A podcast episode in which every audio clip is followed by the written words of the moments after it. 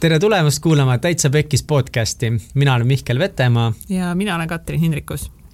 täitsa Pekkis podcastis me räägime ägedate inimestega nende elust, asjadest, mis on neil elus pekki läinud, miks need asjad pekki läinud on ja mida nad kõike sellest õppinud on. ja täna on meil külas selline vägev mees nagu Jesper Parve väga pikk ja väga tugev mees. ja, ja tänasel päeval äh, Jesper siis kõige rohkem, millega ta tegeleb, on, nad teevad koos Eero Spriidi ja Margus Vaheriga sellist äh, etenduse show'd nagu Mida mehed tegelikult tahavad.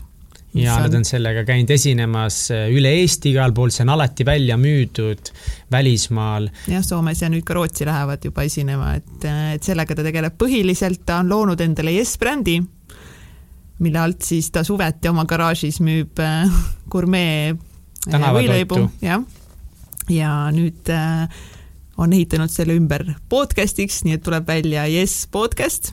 Just, siis tal on oma Yes kirjastus nüüd, sest tema kolm raamatut, mis on väga kuulsad ja nendest kaks kõige kuulsamat siis Mees ja Mees kaks, Minu kari, siis viimase raamatu ta andis juba omaenda kirjastuse alt välja, nii et ta on täiesti sariettevõtja meil jah, ja väga palju armastab ka maailmas ringi reisida ja alles hiljuti tuli ka taas reisilt baalil, eh, kus ta siis seekord käis üksinda enda mõtteid kogumas ja rääkisime sellest ka podcast'is, et mida ta siis seekord sealt õppis ja. ja mis asju ta seal saare peal ka tegi. no täpselt.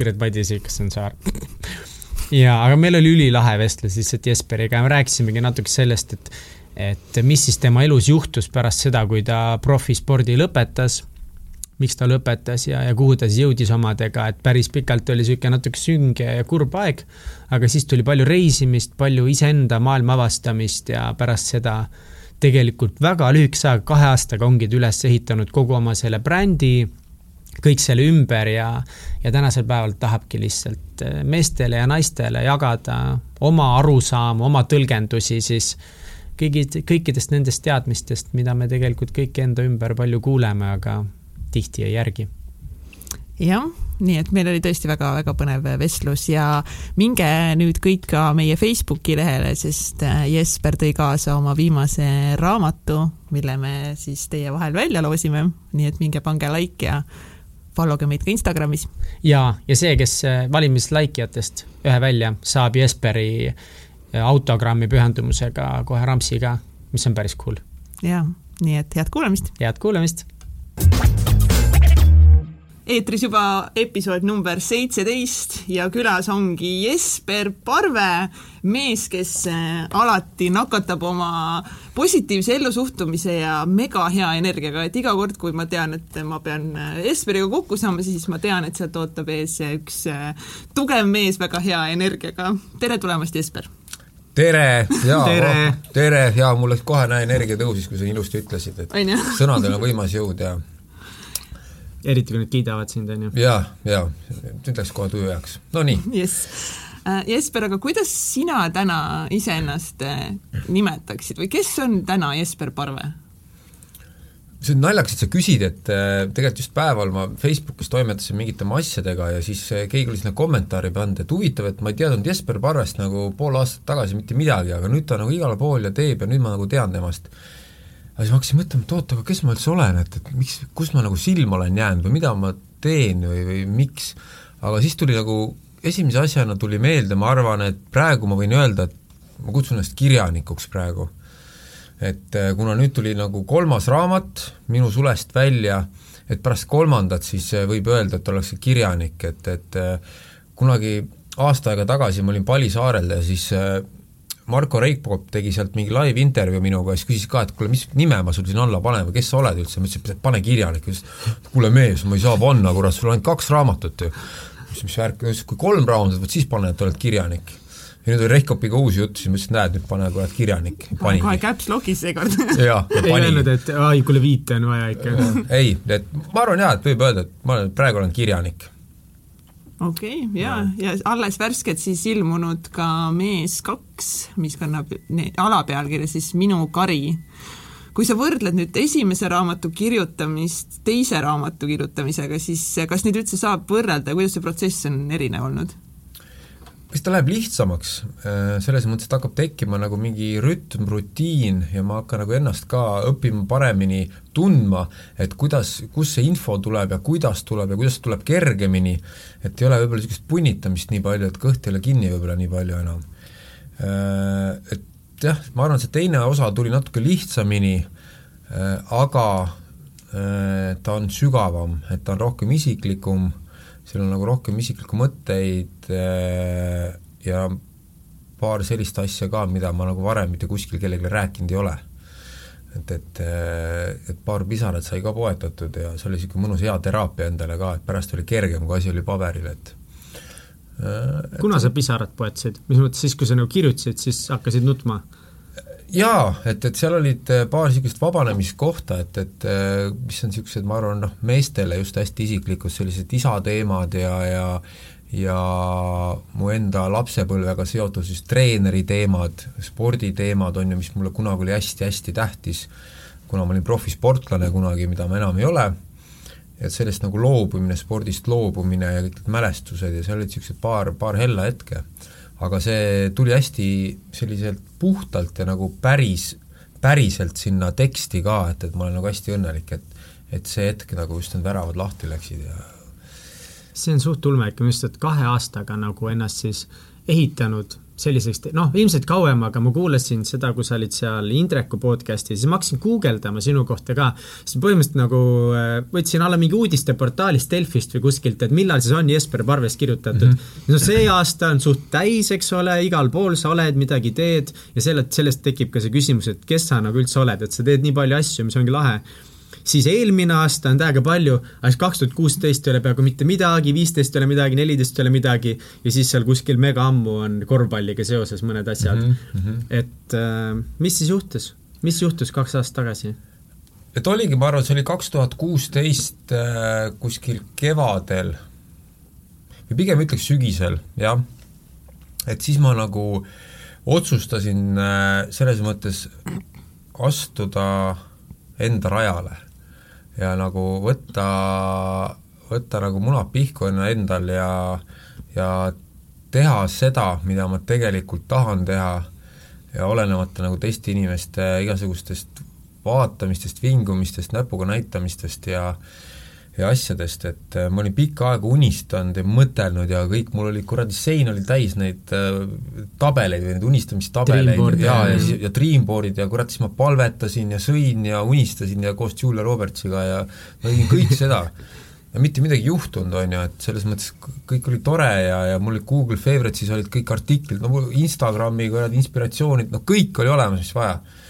aga aastaid nagu midagi ei toimunud, jah ütles, et, sealt oli puudu nagu üks asi, see oli see, et ma ei teinud mitte sittagi selle jaoks, et mu unistused täituks. ja siis kaks tuhat kuusteist, äh, ma arvan, kuskil, kui ma tulin Baalilt tagasi, enne seda me elasime perega seal äh, kaheksa kuud kuskil, üheksa kuud ja sellest ma kirjutasin raamatu ka nagu Minu Bali ja kui me Baalilt tagasi tulime, siis ma ütlesin, okei okay,, fuck, nüüd aitab, kas nüüd või mitte kunagi. et nüüd mul on nagu elu teine võimalus, kui ma seda ära ei kasuta, siis ongi kõik, noh mm. -hmm.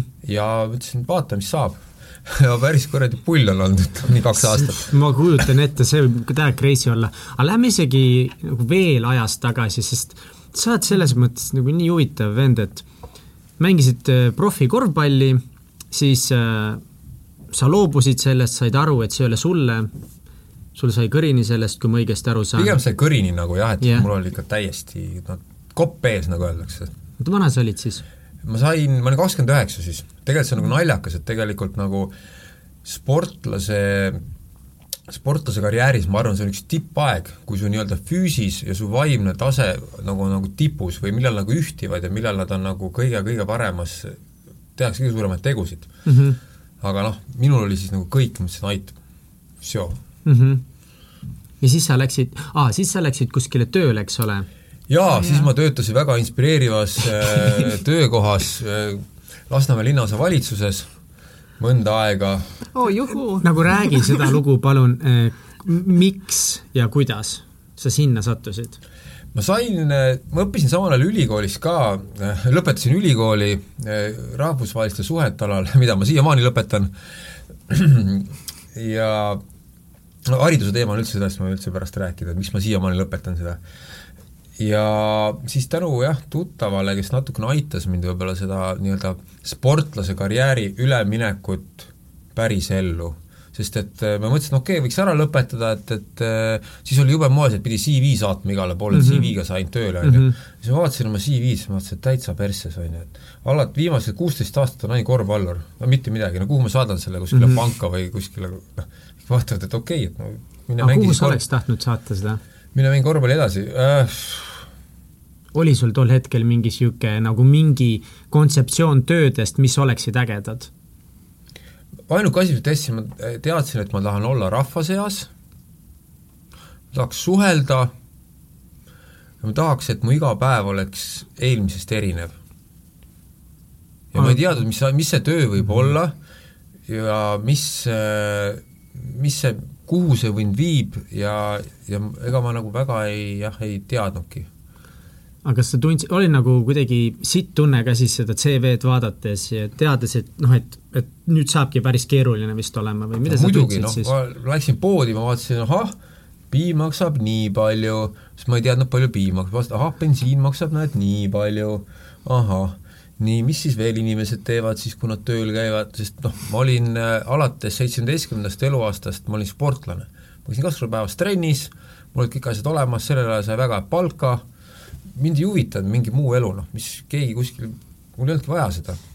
ja põhimõtteliselt ma alustasin nullist, noh, et, et äh, ja siis ma vaatasin, ahah, näed, inimesed elavad niimoodi, väga huvitav, peaks ka tööle minema. aga ma sain hästi kiirelt aru nagu, et tead, tead, see ei ole nagu, see ei ole minu jaoks. Sa olid seal siis poolteist aastat, ma olin poolteist aastat jah, et pigem nagu see oli nagu niisugune sunnitud, sunnitud olemine aga siis kui kaua sa olid seal niimoodi, et nagu sa teadsid, et sa tahad ära minna, aga veel ei läinud? Äh, pärast teist päeva mis sa poolteist aastat siis olid? no äkki läheb paremaks äkki läheb paremaks, jah, jah. et, et ega see noh, kui ma oleks, teine võimalus oleks olnud, ma oleks pidanud minema Soome telliseid tassima, on ju, et, et seal oli kahe, kahe, kaks valikut. Äh, aga noh, ma kardan kõrgust, kõrgust ma tellingute peale ei saa minna, nii et siis istusin seal siis noh tegelikult ma saan jumala hästi aru sellest mm., sellest äh, olukorrast ja paljudel on see olukord, aga mis siis seal pooleteist aasta lõpus muutus, et kust tuli see julgus või, või arusaam või? ei, see ongi nagu, et noh, ma arvan, inimestel on elus nagu inimesed teevad kaht, kahel põhjusel muudatusi oma elus, et ühed on niisugused nagu positiivsed positiivsete juhtumite poolt peale sunnitud, kus, kus inimesed ise mõistavad nagu, et oh, tegelikult ma võiks nagu ikkagi midagi muud teha ja nad ise muudavad, mida juhtub väga-väga-väga harva, ja teine on siis niisugused nagu elumuutused, mis on sunnitud igasuguste negatiivsete asjade pealt äh, sunnitud nagu peale. et noh, inimesed jäävad mega haigeks või, või lastakse töölt lahti või suhe puruneb või või ma ei tea, mida iganes, ju, kaotavad oma kodu, et siis okei okay,, ma hakkan midagi teist tegema ja läbi selle siis leiavad ennast, ju ja ma arvan, mul oli ka ikka niisugune negatiivne, negatiivne nagu selline elu koputas haamriga nii kaua, kuni ma lihtsalt nagu pidin aru saama ja siis ma ei saanud ikka aru ja siis pani kirvega lõpuks, on ju. sest et äh, ma käisin nagu ikka mõnes mõttes noh, võib-olla välimiselt küll ei, on ju, et kõik oli, tundus okei okay,, aga sisemiselt küll nagu päris, päris põhjas ära, et, et et äh, õnneks oli viinapood oli bussipeatuse kõrval kohe, et mul oli jube lihtne peale tööd või reedeti kohe, ma sain enne kui buss tuli, mul täpselt arvestas kolm mintsa, et ma saan viina võtta ja ja siis sai kõvasti kärakad pandud ja igast muid asju tehtud ja ja noh, muidugi välja elatud ka see, mida ja tehtud asju, mida ma ei saanud teha oma sportlaskarjääri jooksul. pidu said ilmselt vähe panna sportlasena või, või no, vastab tõele see? Okeilt okeilt aga, aga ikkagi noh, mitte nii palju, oleks tahtnud. ja, ja siis sai nagu ikka kõik volüüminupid põhja keeratud ja see poolteist aastat ikka keevitatud korralikult, nii et, et aga äh, see oligi siis nagu pooleldi siis äh, nii-öelda noh, noore mehe niisugune vajadus lihtsalt lõbutseda, mida mina tunnen ka kindlasti mm -hmm. sees, ja pooleldi siis oli kuidagi selle mingi nukruse või negatiivsusega hakkama saamine? nojah, lihtsalt, et tapad, tapad seda tunnet nagu mm. -hmm et, et tapad, tapad, aga ega see lõpetuseni ei tapa, on ju. just. ja siis oligi elu tõi ise mulle väga-väga ägeda niisuguse esimese, esimese muutuse, mis, mis mind nagu kuskile õigele rajale viis. kas see, mis asi see ma ei tea, kui jah, me rahvame, kui midagi piiksub, siis, siis me ei te tea pal-, mis see piiksub, me, me lihtsalt ei tea, mis see siis on ja see kuskilt lihtsalt minul ei ole ka, mul ja ei, see oli juba enne Jesperit. aa, okei, okei, siis kuskil midagi piiksub, nii et kui te kuulete seda, siis andke andeks. sorry.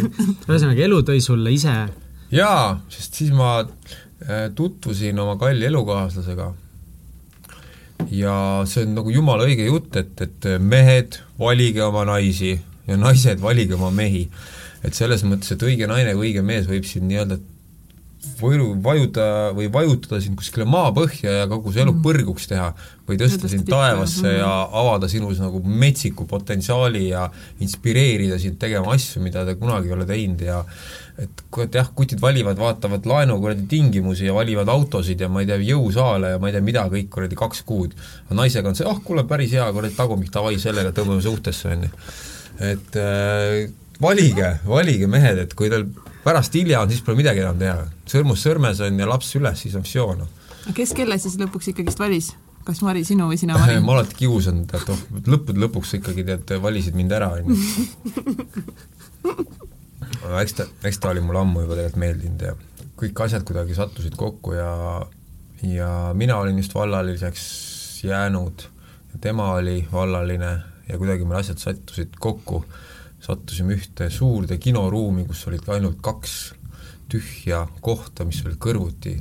Ja niisugune väga, väga huvitav lugu, see on seal raamatus esimeses osas ka kirjutatud. Mm, -hmm. ja ma täitsa ausalt julgen öelda, et tema ning mind nagu mõnes mõttes sealt mülkast välja kiskus, et nii et mehed, valige, kurat, valige võimalus veel kellel on, kellel ei ole, kellel juba perses on, no siis pole midagi teha. ei, aga kas, kas ei, kas ongi nii, et siis ongi, kui ongi perses, et siis ongi perses või? või et nagu, või, või on ikka võimalus, et ei no vahetada saab ka alati, noh Noh. no., ega selles mõttes, et ja samamoodi naistel ka, et, et sest et ikkagi sa igapäevaselt nii palju elad selles energias sees, hommikust õhtuni ja kõiges selles, et, et et, et jah, ärge võtke enda kõrvale inimest, kellel rohkem probleemi, kui teil endal, endil on, et alagi katsuge, katsuge leida keegi selline, kes teid inspireerib ja tõstab kõrvust ja ja kellega teil on lihtsalt tore ja äge koos olla.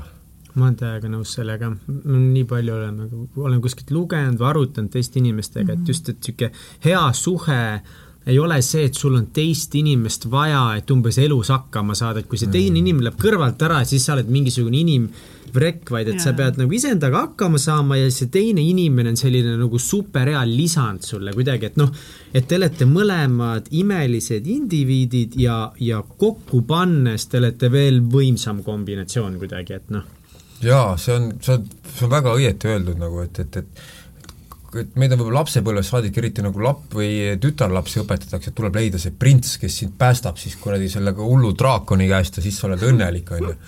no ei päästa ikka, noh et kui sul ikka endal on nagu ise oled katki ja puruks ja kõik on jama ja printsil ei ole seal ka midagi teha, noh. et selles mõttes see on sellele naisele niisugune pettekujuteldamata loo, loomine ja samas see on nagu kui naine sõltub mehest, et tänu sinule ma olen nii õnnelik, kallis, hommikust õhtuni korrutad mehele, siis mees läheb hulluks varsti peast, sest noh, mees saab aru, et kõik õnn sõltub ainult temast. seda ei tohiks üldse olla, inimene peaks üksinda õnnelik olema ja kui teine inimene tuleb veel kõrvale, siis nagu sa ütlesid, noh, siis on super ja samamoodi on ka vastupidi. et niisugune läbi teise õnnelikuks tegemine, see on niisugune ma ei tea, see väsitav on minu arust isegi ka, et mul on koer niisugune, kes on päevad läbi, ma istun kodus, ma olen üksinda, mõtlen, ma olen üksinda, ei, mul on koer kodus ja koer lihtsalt vaib, vaib mulle otsa kogu aeg, see on visla, tead, siuke noh, lähme mängima või, mis sa teed minuga, tee mind õnnelikuks, tee mind, jookse, jooksuta mind, ma tahan õnnelikuks saada ja ja siis mul on niimoodi vahest, no kuule, tõesti, no mine oma nurka, istu maha, ära vaata mulle otsa, palun. Vau.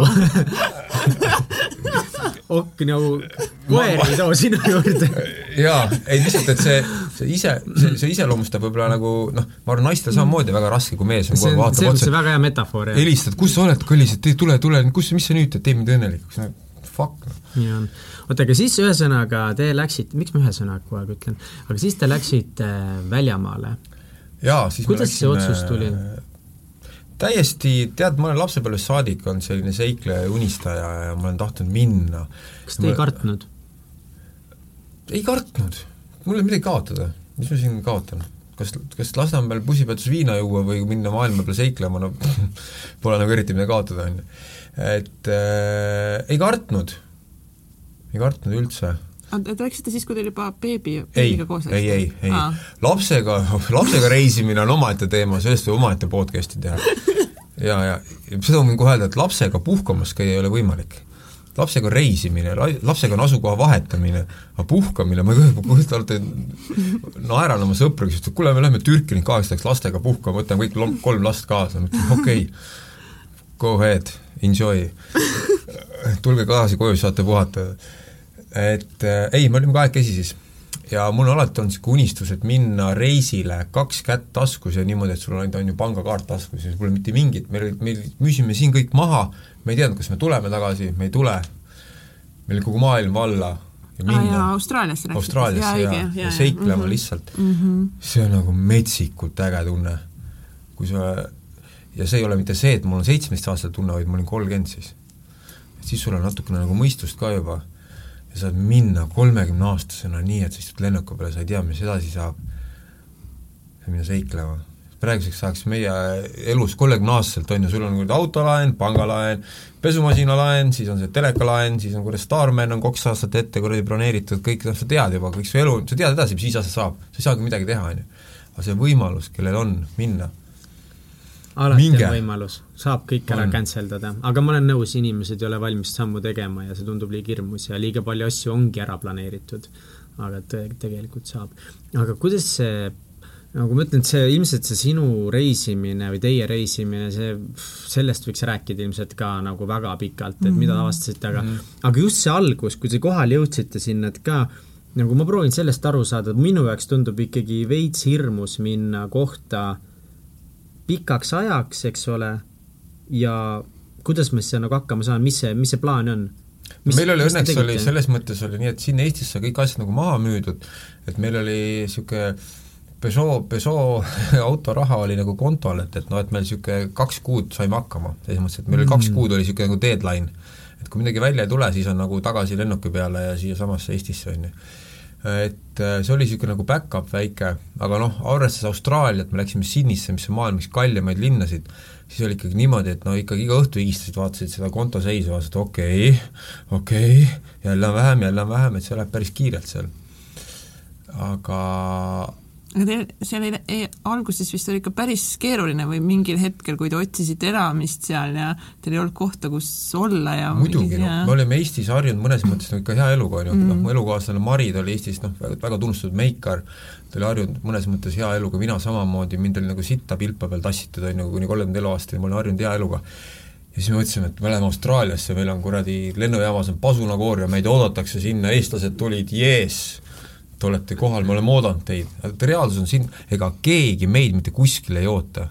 inimesed arvavad, et kõik, ma lähen sinna, pannakse kohe, ma ei tea, mis punane vaip maha, mitte keegi meid ei oota mitte kuskile.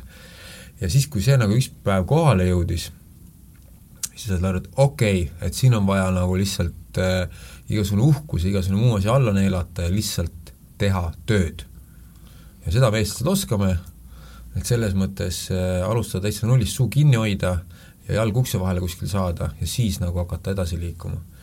ja eks see algus oligi niisugune päris, äh, päris raske noh, et, et, et kui sa pead ikkagi noh, kuskilt kõrgelt kukud alla ja hakkama täitsa nullist peale, et, et, et niisugune teiste inimeste käskusid täitma ja kõike, et see on väga hea, aga metsik niisugune oma ego treening nagu, et, et, et see noh, inimesena kasvasin seal nagu metsikult, et see on väga, väga hea trenn peaks olema, siin peaks, Eestis peaks kõik, ma ütlen, üldse, mis, mida ma veel avastasin seal, näiteks teine asi on see, et Eestis, mida tehakse, või noh, üldiselt on natuke paremaks läinud see, et lapsed lõpetavad keskkooli siis pannakse kohe ülikooli mm., et sa pead õppima minema kohe.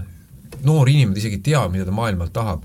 mina läksin sinna, ma olin kolmkümmend, ma avastasin seal minu kõrval olid üle maailma kaheksateist, üheksateist aastased, sest seal tehakse niimoodi, lõpeb keskkool ära, isa paneb jalaga persse, lööb uksest välja, nii, aasta aega maailma peale, mine õpi, saa hakkama, saa aru, mida sa tahad teha, siis tuled tagasi ja siis lähed ülikooli, hakkad õppima, sa tahad teha ja kui sa ei taha, sa ei pea üldse kooli minema. ja siis ma olingi seal niisugune, käisin seal oma CV-ga nii-öelda üheksateistaastastega ukse taga koputamas, on ju, ma olin kolmkümmend, teised olid üheksateist. Austraalias ja Sydneys, jah? jah, noh, et, et ja kus sa, kus sa käisid koputamas, mis kohtades? Spordipoed, käisime jah, surfipoodides, no igal pool sellistes, kus oli vaja, just õnneks me sattusime jõuluajal nagu, et siis oli niisugust tööjõudu vaja ja ja siis tegime niisugused CV-d natuke, fake CV-d on ju, kus ma kirjutasin, et ma olin Eestis pikka aega spordipoodides töötanud, on ju, mul on väga kõva taust, ma olen äh, väga hea rühmajuht, on ju, ja kõik mida iganes. ega nemad sealt ei hakanud kontrollima. ja lõpuks ma saingi jah, et ma sain nagu väga ägedat surfipoodi tööle ja Maril kuidagi vedas eriti, et tema sai siis nagu oma, oma ala peale siis meikarina meigi, meigipoodi tööle, lõpuks tuli üldse Sydneys kahe meigipoe juhataja juba wow. ja mina siis tulin seal surfipoest mingi aeg ära ja siis ma sain väga ägedasse Telisse kohvikusse, kus ma iga päev töötasin siis toiduga, lihade, juustude, veinide, asjade, kohvidega.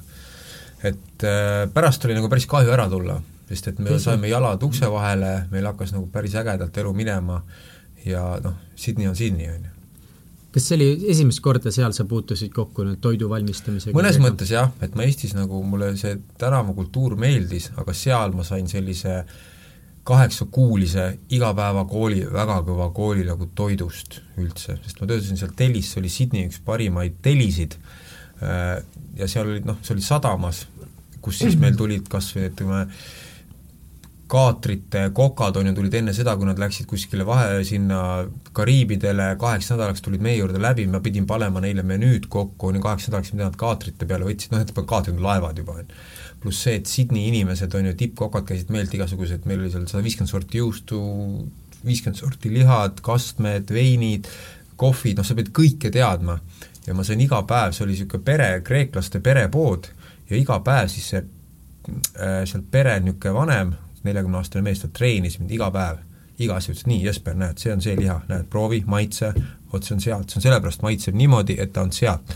vot see piim maitseb sellepärast, et need kitsed ei ole stressis, nad on omavahel sõbrad, see on sealt väiksest farmist, on ju. aga mhm. näed, stressis kitse piim maitseb niimoodi, on ju. ja see oli nagu noh, siiamaani see oli metsik kool, ma olen nagu nii tänulik. ja nii ta läks, noh kes, kes oli see, kes see näitleja või kes see oli, kes sul käis seal ülikuulus, keda sa ära ei tundnud, keda sa Kate Blanchett, ja, ja, ja, ja, ja. tegelikult? ei, seal käis palju jah, selles mõttes, et ta oli ikkagi Sydney, Sydney noh, tippkohtasid on ju, seal pühapäeva hommikuti tulid siis noh, näitlejad tulid oma sealt, see oli niisugust rikaste linnaosas, tulid siis alla ja käisid, tulid, võtsid kohvi ja võtsid värsket kala ja austreid ja siis tulid meie juurest läbi, võtsid liha ja ja siis oligi jah, see oli tore, et oli Kate Blanchett tuli, mina ei teadnud, kes see on, ma vaatasin mingi blond on, on ju, ma olin just kohvimasina taga seal ja siis tuli ta, no hello, ma ütlesin no hello, mingi lastega seal ja siis siis küsis, et kuule, et ma võtaks cappuccino, on ju, siis ma vaatasin, ta sõi mingit leiba või midagi ka, siis ma ütlesin, et kuule, et sa just sööd nagu suure toidu, et ära piimaga kohvi võtad, et pärast on kuradi sitt lahti ja noh, jooksed mööda peldiku vahesid siin, on ju. siis ta vaatas mulle niisuguse näoga otsa nagu, et mis asja sa mulle nagu ütlesid, on ju, ma ütlesin, kas ta ei saanud aru nagu, siis ta oli seal üle kohmet oli, siis ma ütlesin, tulge kõrvale, et oodake siin, et mul inimesed seisavad järjekorras, oodake siin, kuni mõtlete, on ju. ja siis ma vaatasin, et mul nagu selle koha omanik läks näost valgeks selja tagant, on ju. ma ei saanud aru, noh, ma olin kuradi Eesti poiss, noh, mis mul vahet. ja siis panin ta sinna ootama, noh. ja siis, siis lõpuks ütlesin, okei okay,, tead, ma panen, teen espresso sulle kiiresti, saad kaks tükki kaasa võtta, väga hea, see on hea toidu peale ja mõnus pärast. siis ta, okei, okei, okei, okei noh, siis tegin talle espressot, seal asjad läks minema ja siis kõik, kogu pood jooksis minu juurde, noh, mis see Keit Blanchett rääkis sulle siis? siis ma ei tea, ma lihtsalt soovitasin, ära võta kohvit, läheb siit lahti pärast. ja ta ütles, oh my god, raisk, et kuidas sa niimoodi ütlesid, mida, kus mina tean, kes see on, läksin koju, vaatasin, oh fuck. hea, et mind lahti ei lastud nagu. mind huvitab lihtsalt, kui palju kuulsusi sa sealt minema lasid, et sa ei teadnudki, et ma ei tea, jah. vot, on ju. Russell Crowe käis jaa meie juures kohvi joomas seal äh, hommikuti ja et selline tore, aga noh, ma olin Eesti poiss, mul oli ükskõik no.. mis, mis te õppisite, nagu mingi üks asi võib-olla, mis sa kõige rohkem kaasa võtsid? Oma Austraalia kogemusest? toiduna just, et lihtsus toob maitsed esile, sest et et, et siin Eestiski tehakse tihtipeale, noh kuna mul endal on nüüd tänavatoidu võileivaäri, kus mul ongi see, et mul on hästi puhtad ja hästi head asjad, mul on Eesti leib, mul on omad jahimehed, omad kalamehed, kõik, mida ma sinna vahele panen, ja õppisin seda, et see võileib võib olla maailma parim gurmeeroog, kui sa panedki kas või sinna kolm asja ainult peale, sest meil hommikuti tehti nii, et meil oli oma beikeri, tuli oma, see sai, sinna pandi, lõigati värskelt tulnud just juust peale, pandi natuke maitseained, värsket oliiviõli ja see oli nagu, see oli gurmee. mitte midagi paremat ei olnudki oodata ja see, et lihtsus toob maitsed esile, samamoodi see inimeste puhul, lihtsus toob ilu esile.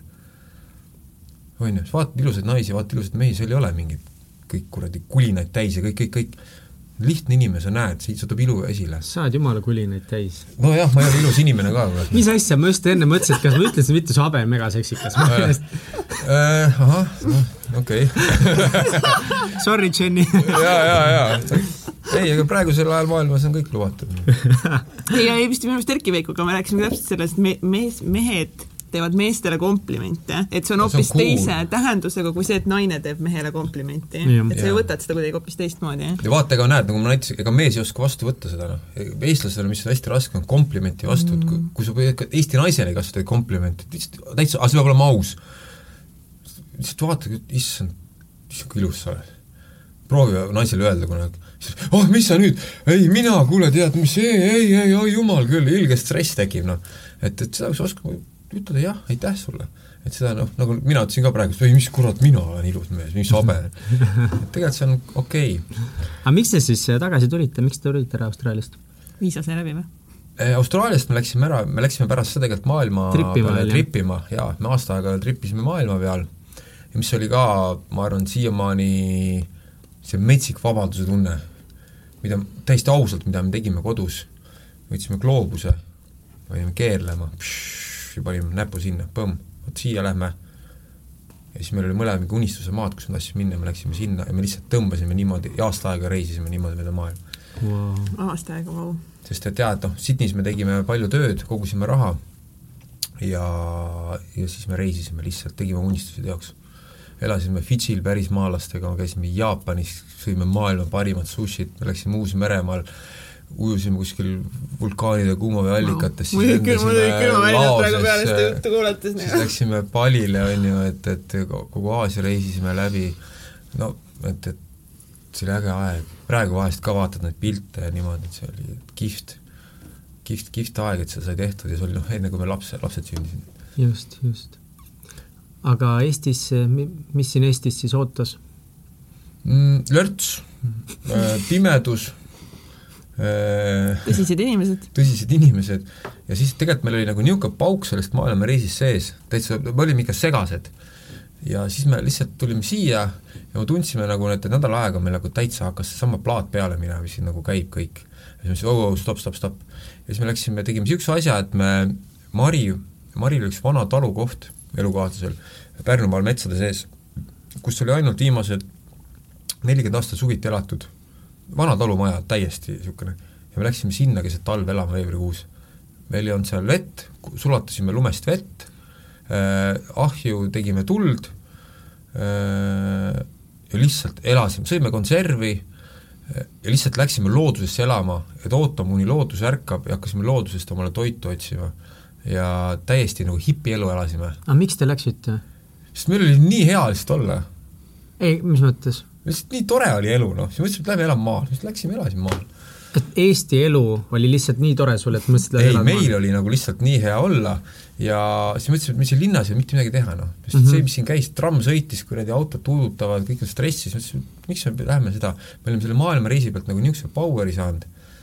ja me läksime, et davai, elame siin edasi seda ja läksime metsa. kahekesi elasime, kirjutasime sellest päris pikalt nagu blogi ka.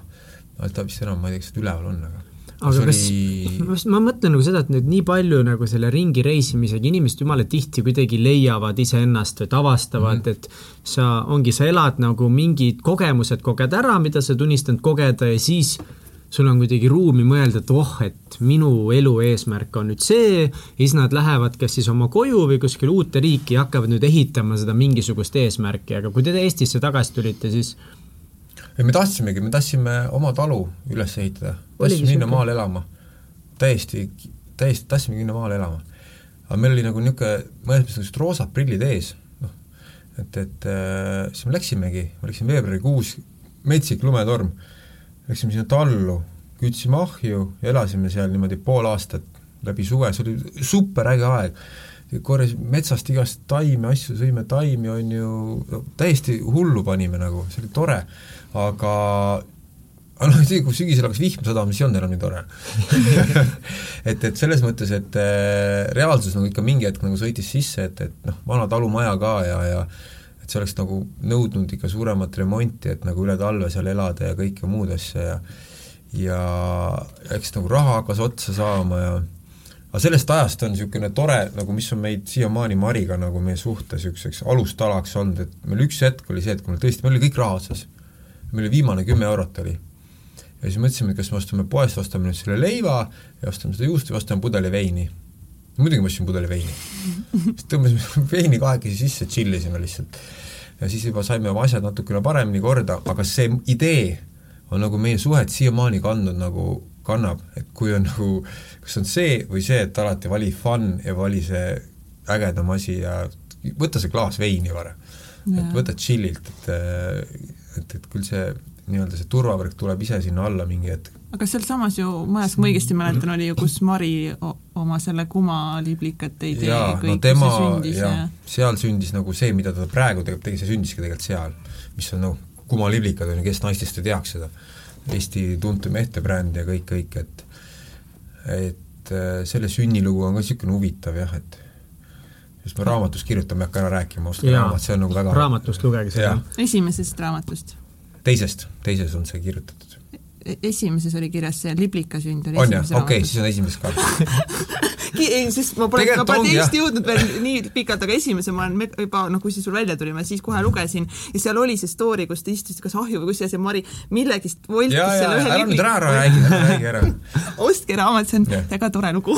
Jah, ja tegelikult seal sündis nagu mu esimesed kirjutised ka, et kus ma hakkasin kirjutama blogi pidama oma elust ja oma mõtteid ja siis tuli nagu niisugune positiivne vastukaja, et vau, et päris tore nagu, et kirjuta veel ja sealt ma arvan, me saime mingi põhja nagu aga jah, et, et see elu nagu ei olnud ikka meie jaoks, sest me elasime ikka täitsa hipid, noh, me tulime sealt rongiga, tulime Tallinnasse, me haisesime nii hullult, et näiteks mu isa ei võtnud meid auto peale. Mm.. ütles, et kurat, sa oled nagu mingi, tead, noh, loom oled, et mine sõida kurat trammiga sinna koju, et ma ei võta sind auto peale. et, et, et niisugune jah, et ma olen elanud seda maaelu. Ja selles mõttes ma nüüd siiamaani inimesed, kes elavad Eestimaal, täiesti nagu maaelu, müts maha, et respekt, ma tean, et see ei ole üldse lihtne, ma olen ise elanud seal ja ma olen näinud seda, et, et suur au nagu kõikide põllumeeste, kõikide nende inimeste eest ja nende noorte perede eest, kes lähevad maale tagasi, hakkavad loomi kasvatama, kes viivad oma lapsed maale, see ei ole lihtne seal. see on äge, aga see ei ole lihtne, et, et nad on super tublid no et mm. nagu seda juttu kuulates ma ütleks, et teie elus see oli täiesti nagu jälle ometi mingi niisugune fundamentaalne mingi pöördepunkt või mingi hetk, kus jaa, ma sain nagu, sai selle hingest välja, me saime mm. aru, et, et et me ikkagi noh, nii, nii, nii, nii nagu päris ei tahaks ka. et see on nagu, olen alati ütelnud, kuna ma ise töötan talviti ka Palisaarel turistigiidina, ja siis kõik inimesed räägivad, oh, ma tahaks seda, ma arvan, see võib öelda ka teiste maade kohta, ma tahaks näha seda päris, ma tahaks seda päris paalit näha ja ma tahaks näha seda täiesti turistidest puutumata seda või seda või seda. Nad ei taha seda näha, see ei ole ilus, seal ei ole mitte midagi vaadata. ma arvan, et äh, lääne inimese jaoks ikkagi mõnes mõttes taha, tasub nagu vaadata niisugust nagu päris, aga kerge turistitatšiga.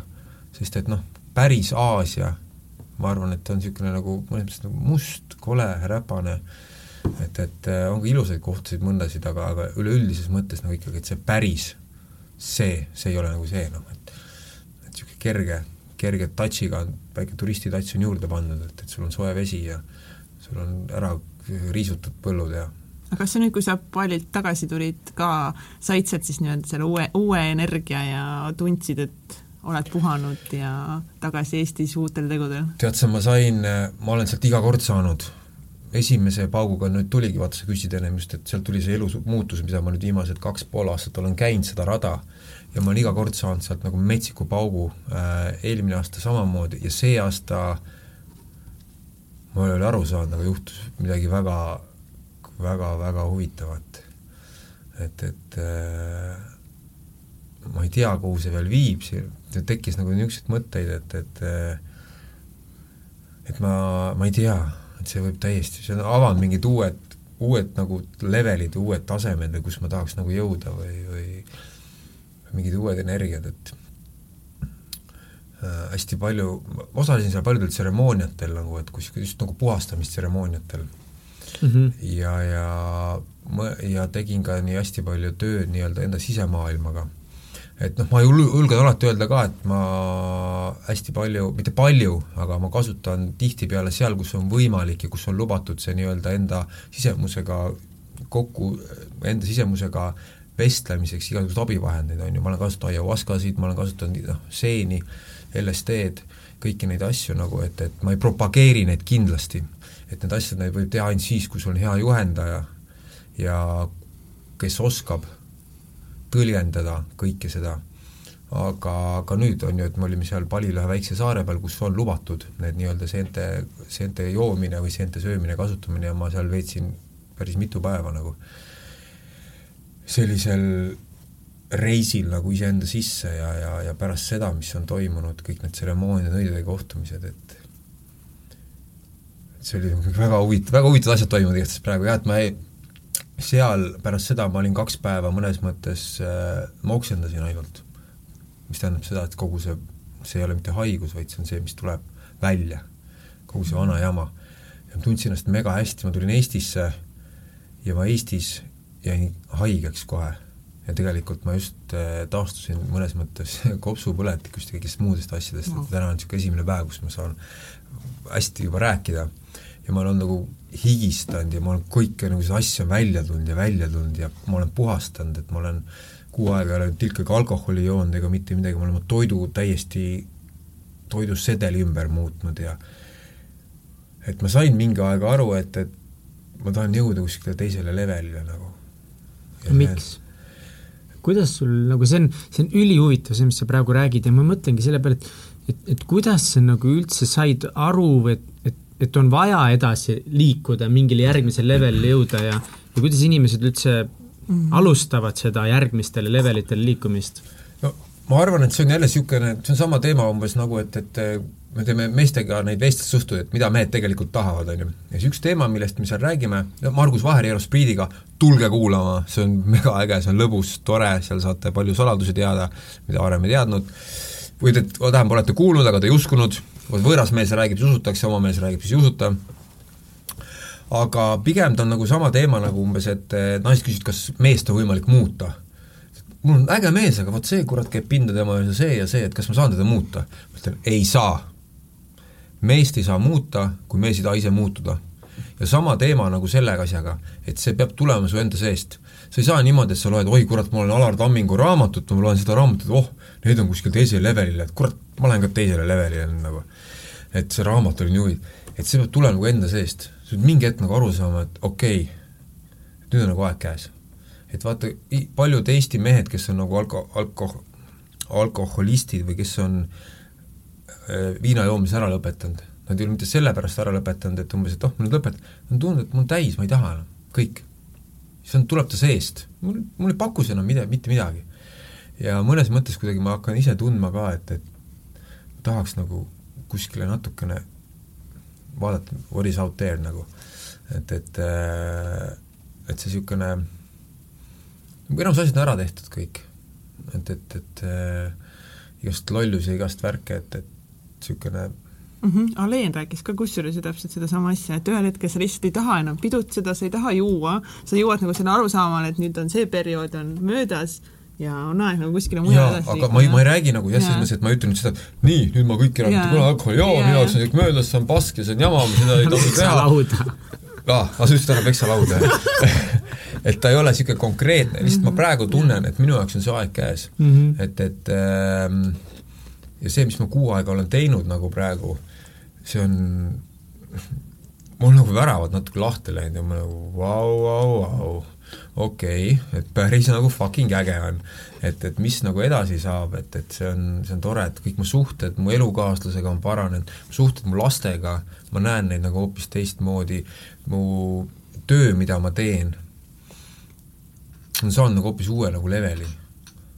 et, et äh, väga äge väga äge on selge nagu olla mm,. kohe selle jutu peale mul on kaks küsimust. ma küsin mõlemad ära, sellepärast muidu läheb mm. meelest ära, aga ma tahaks nagu veel täpsemalt ikkagi aru saada, et, et mida sa siis nagu täpselt see kuu teinud oled ja, ja mida sa pead selle all silmas, et ohohoo, et nüüd on huvitavam ja teine asi, ma teada tahaks, mis see sinu töö üldse on, et nagu sa oled nagu mu ema. Ema tuli kaks nädalat tagasi, kuule poeg, et millal sa selle jama ära lõpetad ja nagu päris tööle lähed nagu? Siis ma saan aru, et okei okay,, ta vist ei tea üldse, mida ma teen, et ta ikka arvab, et ju ma mingi kriminaalse asjaga tegelen, et, et kus, kus kohalt, kuidas sa hakkama saad, et et, et see ei ole võimalik. mina ei arva seda, mina arvan, et sa teed väga palju väga ägedaid asju ja asju, mida ma tahaks ise katsetada. kuidas sa ise nagu kokku võtaksid selle, et noh, sa oled siin-seal, tõ-tõ-tõ? minu ülesanne praegu on äh, elada ägedat elu ja inspireerida teisi inimesi natukene võib-olla vaatama teleka taha. et lihtsalt äh, näidata, et on võimalik ka teistmoodi et äh, ei pea nii tegema, nagu meil on koolis õpetatud või nii, nagu meie vanemad on meid õpetanud või noh, käid keskkoolis ära, siis lähed ülikooli, siis käid üheksast viieni tööl, siis on see ja see ja see ja see ja see, et maailm on muutunud nii palju, praegu on hoopis uued võimalused, iga inimene saab elada nii, nagu tahab ja mis on kõige tähtsam, ei ole vabandusi, praegu ei ole enam fucking vabandusi se-, selle jaoks, et teha seda, mis sulle meeldib mm -hmm. ja sellega ka raha teenida. no kuidas teie raha teenite äh,? Mitu asja on millega ma tegelen. Ehm, esimene asi on, on ju etendused, mida me teeme, mida mehed tegelikult tahavad, mis on nagu, eile õhtul oli meil viiekümne seitsmes etendus. see on päris fenomenaalne ja on kõik ja, suht välja müüdud alati. üheksakümmend viis protsenti nendest on välja müüdud ja me ei räägi kahekümnest inimesest, vaid meie saalid on kakssada viiskümmend kuni nelisada.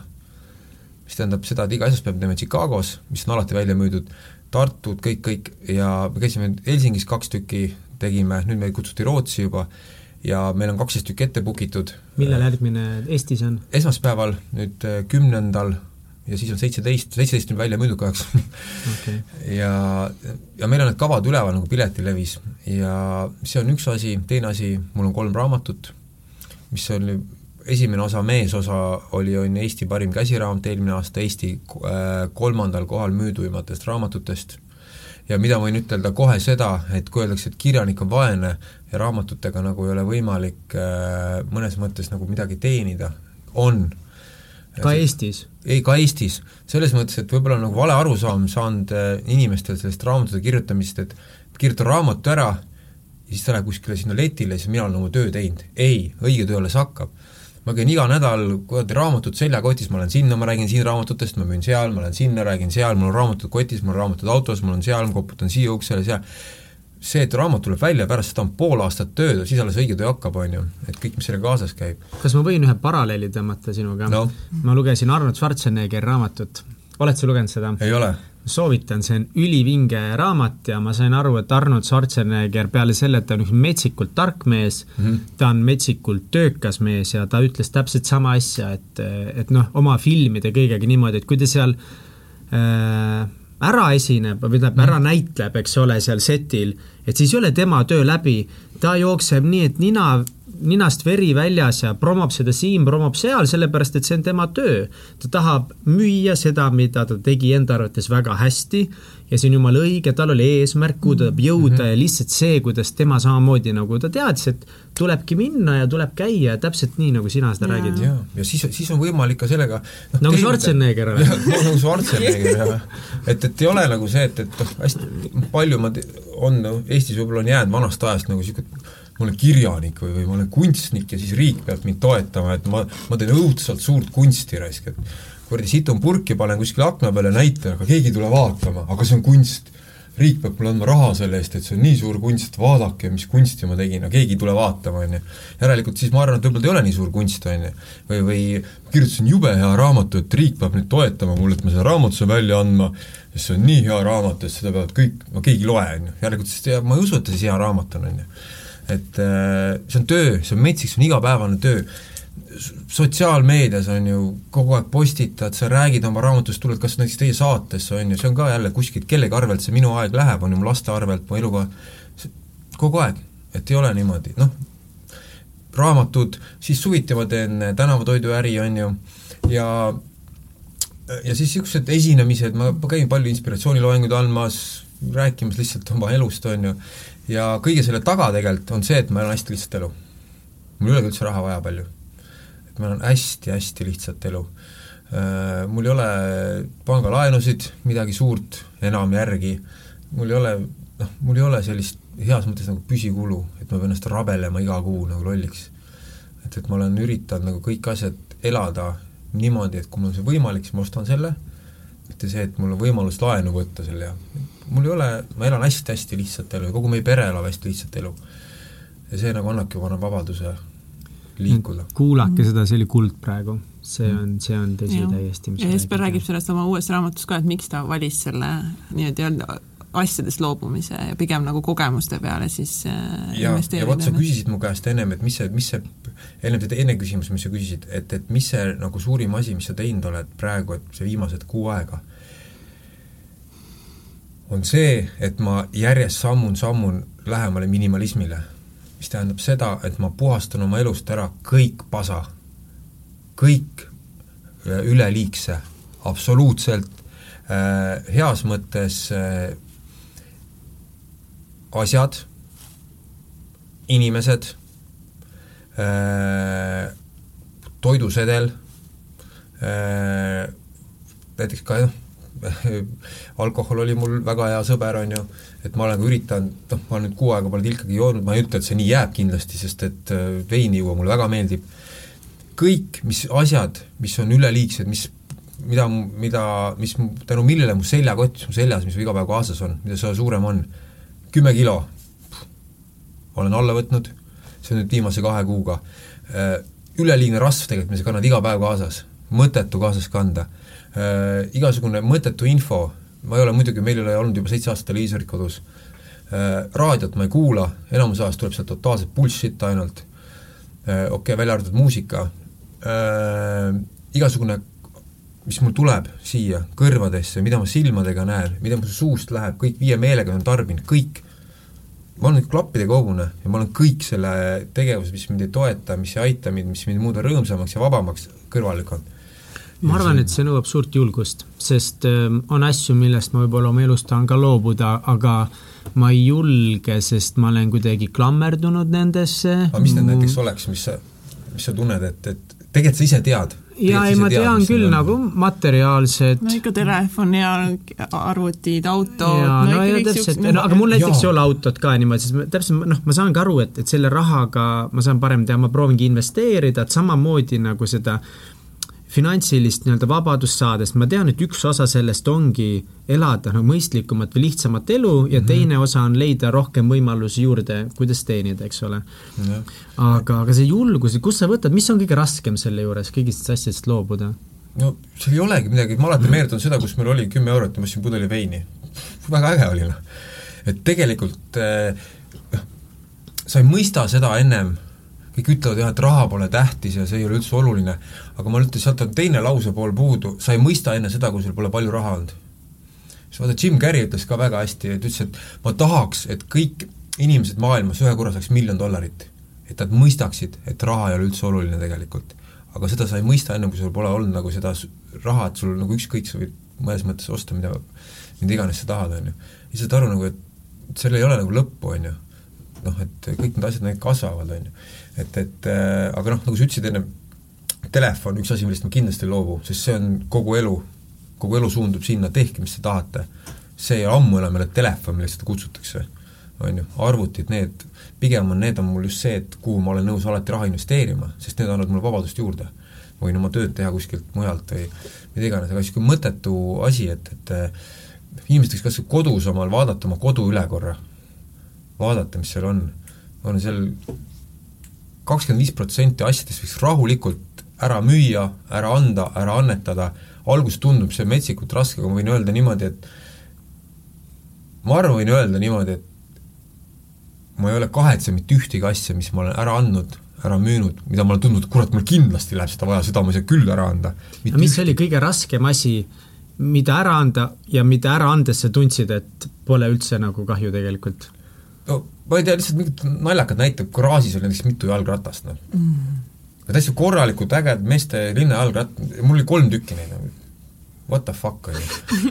ja siis ma mõtlesin, et tuli tore sõber, tuli Tom Valsberg tuli külla, siis vaatasin seda ratast, Tom tuli just maailmareisilt, ütles, kurat, Tom, jalgratast tahad või? Toomas lolli näoga, mis asja? ütles, et kurat, võta jalgratas omale. ja siis mul tundus, kuidas seda saab teha ja nii kui ma selle ära andsin, mõtlesin, issand, kui on garaažis ruumi, on ju.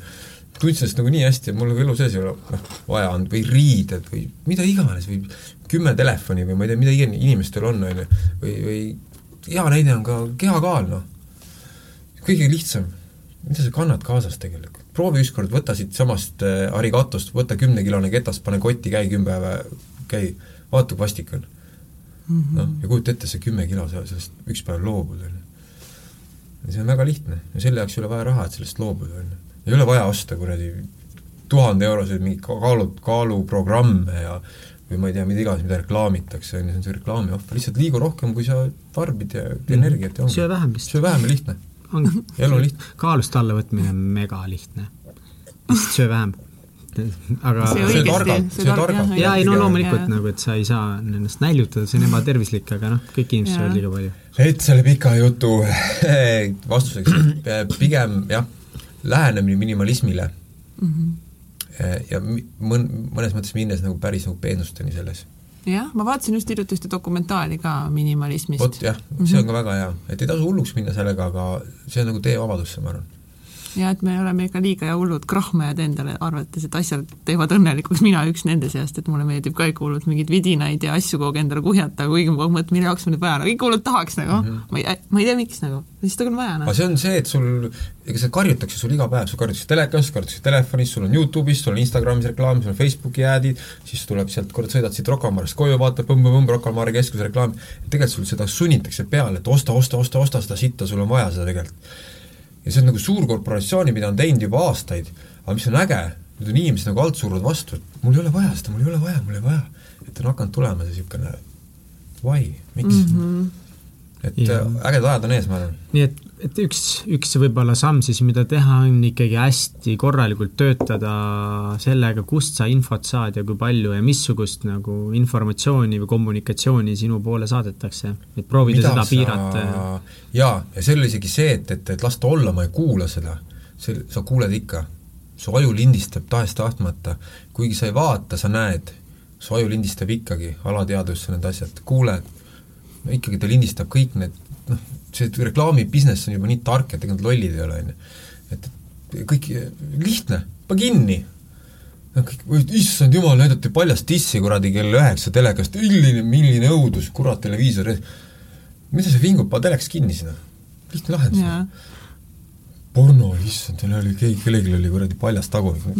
pane kinni, kui ei meeldi, noh enne kui mul meelest ära läheb, üks teema, küsimus, millest ma tahtsin rääkida, on see, et kui sa alustasid raamatute kirjutamist, siis kellele need raamatud olid nagu suunatud, kas siiski nagu meesterahvale, nagu kas sinu eesmärk oli aidata meestel aru saada, et olla nagu oma parim mees versus see, et kes on sinu nagu nii-öelda fännid ja kliendid nagu täna, kas need on pigem ikkagist nagu kontsadel naised, kes teavad, mida nad tahavad ja tulevad siis nii-öelda sinu käest mingeid veel õpetussõnu juurde saama? see on naljakas jah, et ma arvan, et eh, vaat see aeg, täpselt nagu ma ütlesin kaks pool aastat tagasi, kus see asi nagu plahvataski, et äh, oli siis, kui ma hakkasin blogima palju, et siis ma tegin niisugust veebisaiti nagu, et mees olen. miks, miks hakkasid? Ja just mõtlesingi, ma sinna tahtsin jutuga jõuda, et see oligi nagu mõeldud nagu meestele, et teeme mm -hmm. meestele midagi ägedat, et kust leida nagu mingit natuke võib-olla mingit inspiratsiooni või vaadata midagi teistmoodi, et näed, nii on ka võimalik või natuke seda.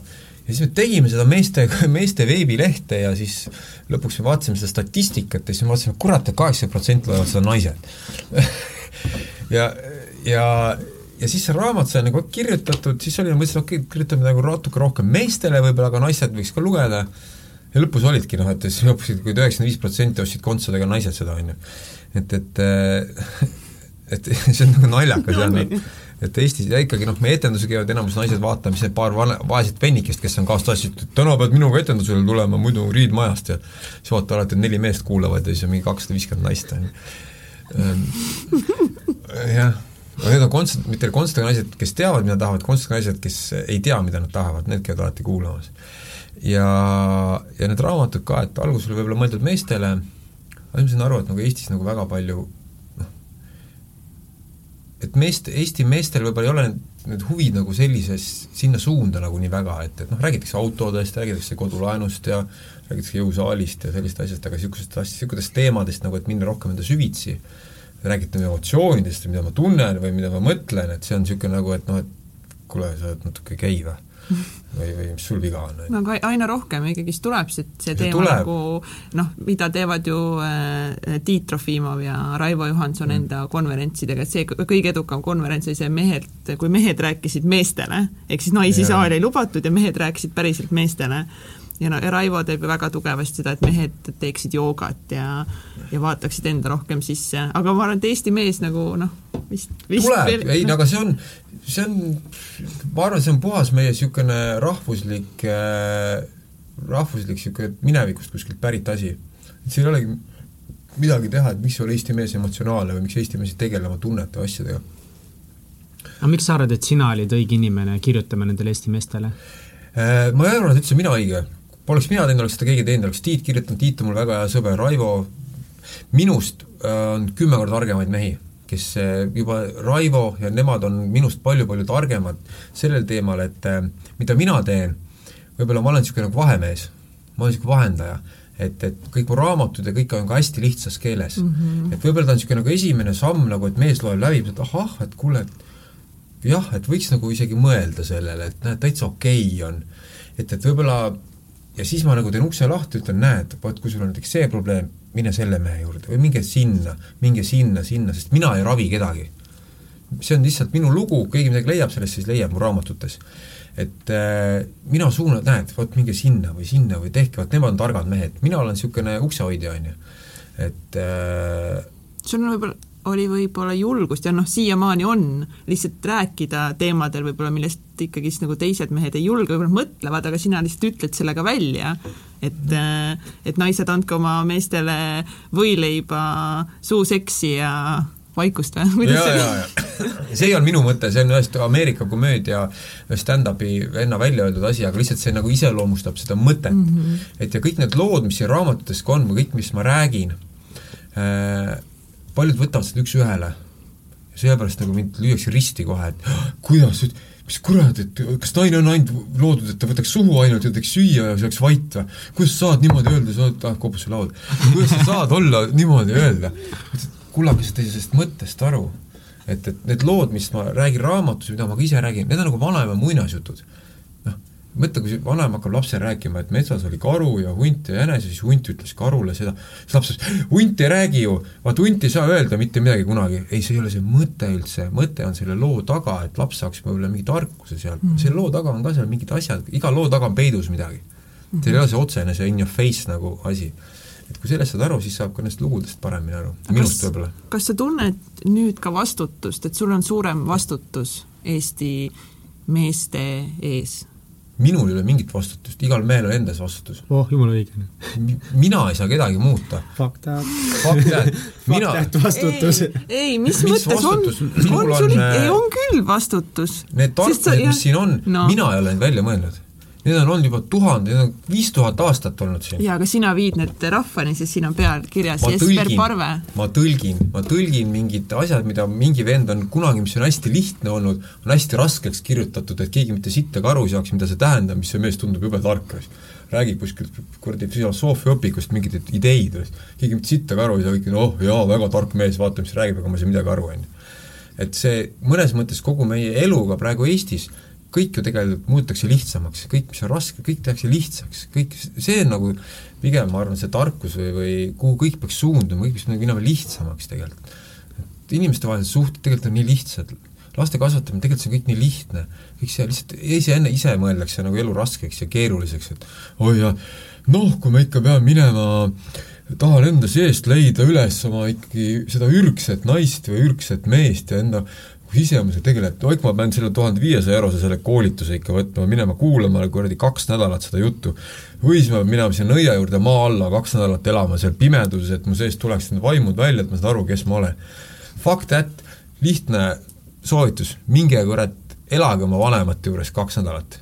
kellel on võimalus, minge proovige mm. -hmm. minge vaadake, mis jama hakkab üles tulema. Ja tegeleda nende asjadega. aga kas sa praegu räägid siis sellest, et, et kuidas olla nagu õnnelikum või sellepärast, et, et sa ju ise käid suhteliselt palju mööda maailma ringi mm., nõidade juures tegeled äh, erinevate, võtab psühhedeelikumi ja nii edasi mm, -hmm. ja need ju aitavad väga palju sind. et kas sa pigem mõtled praegu seda, et et inimesed, kes lihtsalt ei oska nagu olla rahul sellega, mis neil on või mida sa silmas pead praegu? ei ma, et see, et hästi paljud inimesed otsivad mm, -hmm. kõik tahavad, et oleks natuke parem ja hästi palju on äh, praegu inimesi, kes seda ära kasutavad mm. -hmm seda küll, jah ja,. kõigil ja, on mingid koolitused ja asjad. ja inimesed arvavad, et keegi teine, et kui sa maksad nagu palju raha, saab sind korda teha. keegi teine saab sind nagu, et kui ma nüüd lähen sinna hästi kallile koolitusse, siis see juhendaja kindlasti viib mind õigele teele ja teeb mind korda. ma ei pea ise mitte midagi tegema. mis mind nagu närvi ajaski, miks need raamatud sai kirjutatud, et need raamatud mõnes mõttes, ma lükkan süü inimeste õlgadele tagasi. igas asjas, sest et praegu on nagu nii palju teist süüd, oh, see arst ei tee mind korda, et ma olen nagu ülekaalus ja mul on see haigus ja no ta ei tee korda, no ei anna mulle õiget rohtu, noh. ise paned, sööd seda kuradi soolapekki ja kuradi saia iga päev edasi sisse, on ju. või siis, et see mees või naine ei tee mind suhtes õnnelikuks, no kuidas sa saad käituda, miks sa mind õnnelikuks ei tee, on ju, see on sama jälle süü teiste kaela. või see, noh, tead, ta on nii inimene, no niisugune inimene, kogu aeg ma olen õnnetu, noh ei ole, inimene on ise süüdi kõiges kõiges enam-vähem, ma arvan. jaa, ei ma olen selles mõttes nõus, et igaüks vastutab enda ja. tegude, enda elu eest ja kõigega, mis toimub, aga ma ikkagist nagu tahan jõuda nagu selleni, et kui sa ütled, sul ei ole vastutust, siis mina leian, et sul on väga suur vastutus, sest sa oled juba andnud välja kolm, kolm raamatut, sa esined kogu aeg avalikult, sul on mingi sõnum, mida sa inimestele edastad ja sul on nüüd see vastutus, et see sõnum oleks nii-öelda inimesi edasiviiv versus nagu alla toov. selles mõttes ja, ja, ja no see sõnum on, see on minu lugu, ma olen alati igal pool, kui ma raamatut kirjutan, kui ma räägin midagi, ma ütlen, täna ma räägin teile enda loo. kui keegi leiab sellest midagi motiveerivat, keegi leiab sellest midagi huvitavat, midagi head ja võtab siit täna kaasa kas või ühe asja, on teil õnnestunud see asi. Kui ma olen ikka täitsa lolli juttu, täna midagi ei ole leidnud sellest, ma olen nõus alati selle raamatu kaasa tagasi ostma, ma olen nõus nagu teiega uuesti vestlema, et eh, see ei ole niimoodi, et tee nii, nagu Jesper mm. tegi, siis sa saad õnnelikuks. kindlasti ei. ja selles mõttes ei ole ka mul äh,, mul ei ole nagu ka vastutust, tähendab, ma ei, minul ei ole nagu teiste õnne eest, ma ei saa vastutada teiste õnne eest mm. -hmm. ma ei saa vastutada teiste mm -hmm. tervise eest, ma ei saa vastutada teiste inimeste nende asjade, et mul on mingid ideed, mis ma olen välja paisanud, kui inimene oskab midagi valib mm, -hmm. iga inimene tunnetab ära, kas sobib talle või ei sobi, on ju. mis sul raamatuid kirjutades pekki läinud on? sul pekki on läinud või? jah. tead sa, ma olen nagu nii hull kontrolli friik ja niisugune nagu mul on kõik asjad elus nagu tegelikult mõnes mõttes hästi kontrolli all, et ma saaks elada hästi kontrollivaba elu. That makes sense. Makes sense või? vahest ma ütlen välja, siis mõni mõtleb, mis asja, aga et, et äh, mis mul pekki on läinud? Mul nagu selles mõttes nagu midagi hullu ei olegi läinud, ma arvan, midagi niisugust crazy't, et mul on ikkagi, tavaliselt ma elan niisugune pool aastat ette ja ma teen nagu poole aasta ette plaane nagu kõik, et ma tean kõik, see on seal, see on see, ahah, see kuupäev, see, see, see, kui sa näeksid mu tabeleid ja asju, mis mu telefonis on, mille järgi ma elan, ma arvan, sa oleks kahe päeva peast kinni, see on väga crazy, siis süsteemide järgi ma elan ja mis see on väga, väga ma tahan täiega näha neid tabeleid nüüd näitada. mille järgi Jesper Parve oma, oma päeva seab, aga millised on täna kõige suuremad väljakutsed su elus? Äh, ma arvan, et äh, nii-öelda eraelu ja mul ei ole nagu tööelu, aga võib-olla see, et mida ma väljaspool kodu teen ja kuidas ma kodus olen, et nende ühendamine. Kuna meil on kaks last, üks on üheksakuune ja teine on äh, sorry, nüüd on kümnekuune juba, vabandust, see näitab, ja teine nelja aasta kümnekuune, et ma arvan, isaks olemine öö, oma lastele, heaks kaaslaseks oma naisele olemine, samas mitte ära kaotada iseennast mm. -hmm. see on nagu see niisugune, mida ei tohiks nagu teha mitte kunagi, et ohverdada nagu nende, ennast nagu nende asjade nimel. Et, et äh, et hoida, hoida nagu enda seda energiat, et mõnes mõttes mul on nagu vedanud elukaaslasega hästi palju, et me üksteist nagu noh, paljud on niisugused, kes hoiavad üksteist kinni, et ära mine kuskile, oleme siin ja hoiame meie suhet ja oleme koos ja niimoodi ongi hästi, et aga tegelikult meil on nagu hoopis vastupidi, et me paneme jalaga persse üksteisele iga hommik, et davai, mine välja, kasva, arene, mine eemale, õpi ja siis too see info koju, tule, too see energia koju. Äh, ja inspireeri mind. Fuck, tule koju, inspireeri mind on ju, mitte see, et, et äh, sa tuled koju, nagu paljudel inimestel juhtub see, et sa lähed välja, sa oled tööl, särad, sa oled õnnelik, ja siis mõtled, mida sa koju viid, siis koju jõuab niisugune kuradi ära kasutatud kilekott, on ju, niisugune äh. vaid see, et mida sa tood koju iga päev õhtul, on ju, et äh, mitte kaotada iseennast, sest iga inimese, ma arvan, suhtes ülesanne on see, et hoida ennast vormis teise inimese jaoks. nii vaimselt kui ka füüsiliselt. Ma julgen seda välja öelda nagu, see on nagu nii naiste ülesanne kui ka meeste ülesanne et äh, mu naisel on õigus mulle öelda, et kuule mees, sa hakkad õuna meenutama, aeg on trenni minna, on ju. või, või et kuule, sa oled nagu kuradi vaatan sind, mul tuleb kass peale, raisk, et tee endaga midagi, on ju. Mhm. ja samamoodi ka naiste puhul, et, et äh, see on loomulik asi, noh. ja vot, kuidas siis hoida seda balanssi, on ju. kuidas hoiad seda? eks ongi see rollid, noh, ma ei saa olla kodus see, kes ma olen täna siin teiega rääkides, on ju. ma ei saa ma ei saa kuskil midagi muud tehes, ma ei saa olla sama, kes ma olen oma naisega koos, on ju. et eh, noh, see on rollid, see elu on teater, noh, sa pead oskama viiteist erinevat rolli olla, on ju. no tead ise, on ju, kui pead olema, naiste kohta öeldakse, ma arvan, praegu meeste kohta täpselt samamoodi, köögis pead kokk olema mm, -hmm. voodis pead kuradi kõva kepimees olema, siis sa pead olema inspireeriv kuradi juht töö juures ja kõik, mis muud asjad sinna tulevad. Need on need meeste ja naiste arheotüübid no,. ja mu elukaaslane Jenny just luges putka küll, ma ei mäleta, mis selle raamatu pealkiri on, et äh, me loeme suht palju raamatuid ja, ja ta on lugenud ka viimasel ajal niisuguseid vaimsuse raamatuid, raamatuid rohkem, sest päris palju on niisugust äh, ettevõtlusalast ja mingit pagan naiste raamatut ta luges, kus ta just õppis Katrin mingit... Saali-Saul Eesti kirjutas äh, naiste arhetüüpidest. vot, ma arvan, et seesama, minu arust see oligi see ja, ja ta on nagu äh, noh, me arutame, töötamegi niisuguste asjadega, et see nagu viis järgmisele levelile jälle nagu, et ta kuidagi luges seda, sai nii hästi nendest arheotüüpidest aru ja miks kõik need rollid on olulised, et ja mitte on ainult mm. üks roll täita, vaid täita neid kõiki rolle ja kuidas nagu ei jõua sellest üldse praegu enam rääkida, aga see oli mega huvitav raamat ja ma tahan täitsa ise ka seda lugeda. jah, ja see meeste kohta ma soovitan sulle, meestel on äh, kuningas, sõjamees, armastaja ja sõdalane, vot loe see läbi, see, see on ka väga hea ja ja noh, ma arvan, et et naistel on isegi rohkem vaja kui ainult nelja arhetüüpi me, ühe mehe puhul, on ju, aga aga see on, ma arvan, see on üks saladusi. ja kui kiirelt sa suudad nende rollide vahel plõksid ära, kõmm.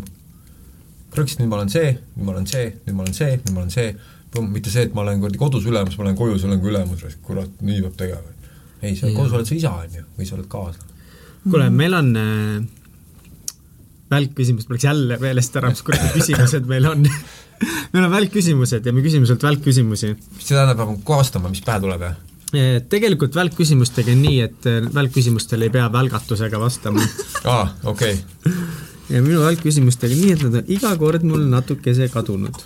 no, no pole hullu, no, leiad äkki üles kuskilt, nii mina enda omad leidsin igatahes. oota, by the way nagu no, nii. enne kui me lõpetame, miks sa podcast'i tegema hakkasid? aa ah, jaa ma arvan, see on jälle see on sul tuli just esimene osa välja? jaa, tähendab, ei ole veel väljas, tuleb järgmine nädal, aga, aga see on, ma arvan, jälle üks samm nagu selles... ehk siis see nädal? aa ah, jaa, jaa, sorry. täna on ju kümnes ei, mitmes täna on, esmaspäev mitmes, mitmes täna tegelikult on? mina, täna täna viies. jaa, aga nagu esmaspäev on mitmes? Küm-, ongi kümnes või no.? vot, kümnes. täna on kümnes ma olen alati arvanud ka, et, et niisugune mehe teekond on ka alati niisugune kasvamise, arenemise teekond, et, et inimesena üldse, et see teeb meid õnnelikuks, sest et vaata, ega me olime ka miljon aastat tagasi, me olime mingi sipelgas või kala ja me oleme kogu aeg kasvanud, on ju, siis tulid igast ahvikesed, värgid, siis tuli ahv, siis tuli kõik, kogu aeg toimub areng, kogu aeg toimub niisugune kasvamine ja ja edasiliikumine nagu ja mees, aga ma arvan ka naine, samamoodi peaks kogu aeg liikuma edasi, kasvama, vot siis me oleme õnnelikud, see on nagu osa evolutsioonist, mida me oleme miljon aastat teinud. kui me lollimaks läheme kogu aeg, siis tunned ennast ka ise õnnetuna, on ju. et uute asjade nagu katsetame, proovime, ongi justkui kasvamine. jaa, et võib-olla ma suren ära, ma olen targem mees, aga läbi selle jälle minu poeg minust targem peabki olema ja inimkond kasvab niimoodi, on ju, areneb kuskile. ja, ja see on, kus ma rääkisin ennem sellest uudest asjast, siis ma teen, see on üks nendest. et rääkida nende inimestega, kes on mind motiveerinud, näha neist näost näkku, küsida neid küsimusi, mis mind on huvitanud ja just need inimesed, kes ütlevadki jess nagu elule, kes on mm -hmm. positiivsed, ise iga päev kasvavad ja siis võib-olla oskavad ka nõu anda, on ju, teistele või noh, rääkida oma lugu, mitte nõu anda, et inimesed nopivad sealt äkki midagi välja. et see on niisugune okay. tore ma olen veits kade, sellepärast et sul juba on selline setup, nagu meie sult tahame et sul tuleb videopildiga, nagu ma aru ja, saan, ja, ja sul on seal parem laud, sest meie laua alla hästi inimesed ei mahu ja siis nad peksavad seda lauda. no okei okay., nii, aga. nii, tulista. kas sul on olulisi rutiine või harjumusi, mida sa teed kas igapäevaselt või iganädalaselt? jaa, väga, ma olen ikka väga robot tegelikult ausalt öeldes. mis on top kolm rutiini, mis peavad sinu nädalas olema? Äh, päevas võib-olla, ma arvan, mul on, mul on nagu hommikustart on täiesti niisugune kindel rutiin, et ärkan üles, äh, lapsed, lastega natuke ära äh, tegeleda ja siis on kindel asi, on mul see, mida ma hommikul söön, hommikul metsas koeraga käimine, mis tähendab seda, mis on minu kirik, kus ma käin oma mõtteid kogumas, kus on kolmveerand tundi niisugune minu aeg, mul on väike on tavaliselt kõhu peal ja koer on kaasas. Ja hommikune niisugune viisteist minutit mingite harjutuste tegemine, et ta ei ole nagu võimlemine, ta ei ole niisugune nagu, ta on enda päeva rada, raja, rajasse võib-olla sättimine mm, -hmm. et mul on kindel setting harjutusi, mis ma teen iga hommik ja kas need on nagu võimlevad, mingid tiibetlased? ta jah, seal on võimlevad hingamisharjutused ja, ja paar niisugust jõuharjutust, mis ma hommik teen, siis koeraga jalutamine ja see kindel söök, mida ma hommikuti söön, et, et mis sa sööd hommikuti äh,? Ma ütlesin valesti, sorry, ma isegi ei söö, sest ma ei söö hommikuti midagi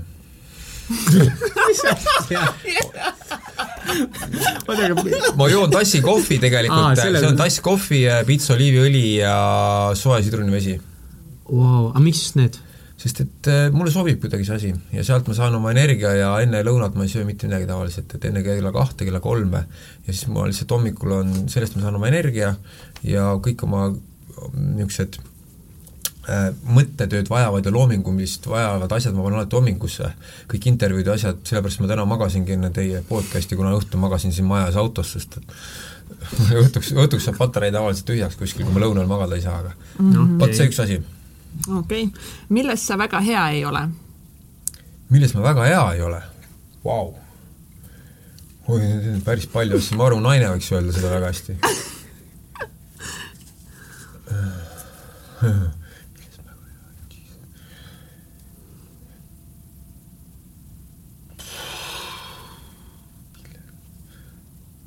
milles ma väga hea ei ole? mõtle, mis on niisugune asi, mis mul nagu iga kord kipub nagu natuke peesse minema. Jesus, vot see oli pomm mm.. kui räägid mehega, kes on enamus asjades väga tugev mm, -hmm. siis selle tee leidmine võib olla raske. tead sa, ma arvan, et praegusel ajal niisugune metsikult tugeva trenni tegemine, mis ma tõesti nagu, sest ma olen eluaeg nii palju jooksnud, ma olen nii palju jõusaali teinud, ma olen nii palju rauda tõstnud, ma olen nii palju piitsutanud ennast, ma lihtsalt praegu, ma lihtsalt ei, ei taha ja ma ei viitsi kui ma peaks minema jooksma või, või, või mingit niisugust metsikut jõusaali tegema või seda ma lihtsalt, ma ei suudaks, ma arvan. tõesti, selles ma nagu täiesti või, või mille üle sa kõige uhkem oled oma elus? Praegusel ajal see, et äh, ma olen julgenud oma unistustele nagu järgi minna.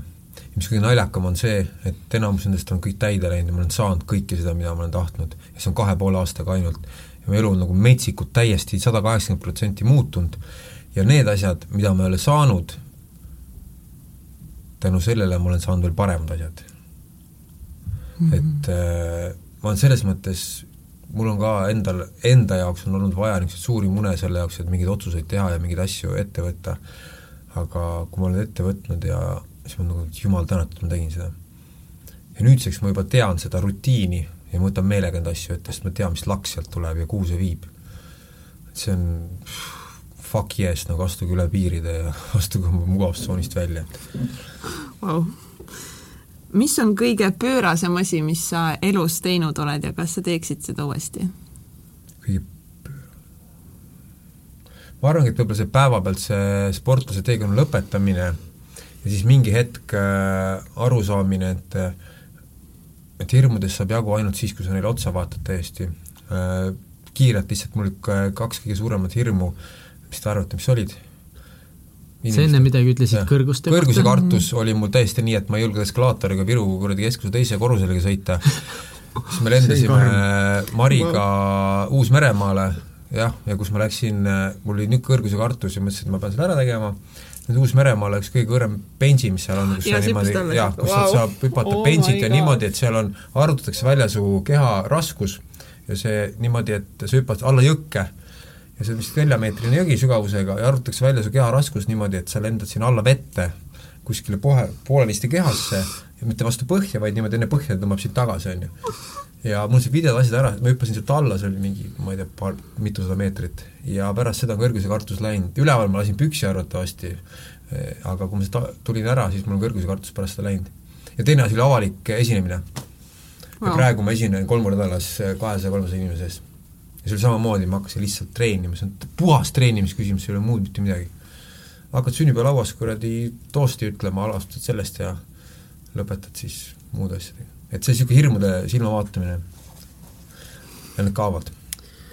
skaalal ühest kümneni, kui veider sa oled äh,?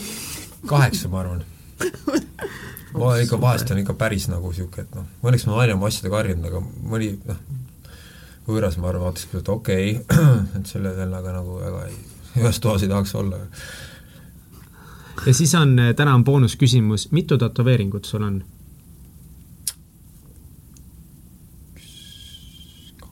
neli. ülilahe. neli, hästi suurt. aga ongi tänaseks aeg sealpool kahjuks. kahjuks jaa. mul on siin veel umbes veel viis-kuus teemat, mis oh, jäid üldse puudutamata tänases äh, podcastis, aga pole hullu. ma tahaks hullult tänada, Esperit, et sa võtsid selle aja, et tulla siia. mulle meeldib sinu juures äh, veel sinu, ongi lihtsus ja see, et lihtsus peitub võlu ja ongi just see, et kui ma loen su raamatuid, siis need on kuidagi nii hästi lihtsalt kirjutatud, et sa saad nagu, et igaüks saab sellest aru, et sa ei pea nii nagu nii tiipi minema. aga jaa, aga see, mis sa saad sealt, on nagu nii suure väärtusega, aga see on nii lihtsalt kirjutatud. et mulle meeldib see ja see, et sa ütledki, et meie elu ei pea olema keeruline. et meie suhted peavad olema, võiksid olla lihtsad ja elu peitubki siis lihtsuses, see on täiega tore ma tahan lihtsalt täiega nagu nukk anda sulle. see oli nagu nii äge kõik, aitäh sulle tõesti et sa tulid ja et sa rääkisid ja aitäh, te olete head oh. ukseavajad.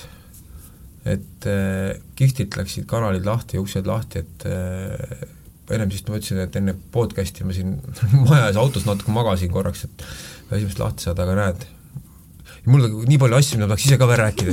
oma inimesed ei viitsi kuulata enam, nii et teeme Vol kaks järgmine aasta. me teeme Vol kaks järgmine aasta Jesper Parvega, on see lubadus või? Davai, paneme purki. see on meie poolt ka lubadus, me teeme, davai, lubatud, aga ühesõnaga mõnust õhtut teile ja, ja enne seda veel. nii, enne seda veel. enne seda veel seda, et kus meie inimesed saavad sinu tegemistel silma peal hoida äh,? sotsiaalmeedias ma olen Facebookis olemas, vaadake, võtke sõbraks, seal on kõik asjad olemas, kus me oleme, mis me teeme, Instagramis ja mul on nüüd kõva-kõva soov ka oma koduleht uuesti ellu äratada mm., seal blogid panna üles, kõik info uuendada, aga võtke Facebook ja pange sõbraks ja Instagrami tulge jälgijaks ja seal on alati info, mis toimub, kus ja, või mis toimus ja Instagramis seal... Jesper Parve. jess, Jesper Parve igal pool, et ma loodan, et teist Jesper Parvet ei ole Jesper Parve igal pool, jah ja. ja minge minu soovitusel kindlasti ostke endale Jesper Parve kõik raamatud. oh, by the, ah, me intros juba rääkisime sellest, et me loosime välja midagi. Vot, no aga davai, äge. Yes,. aitäh teile kutsumast, super. Yes.. nägemin. oih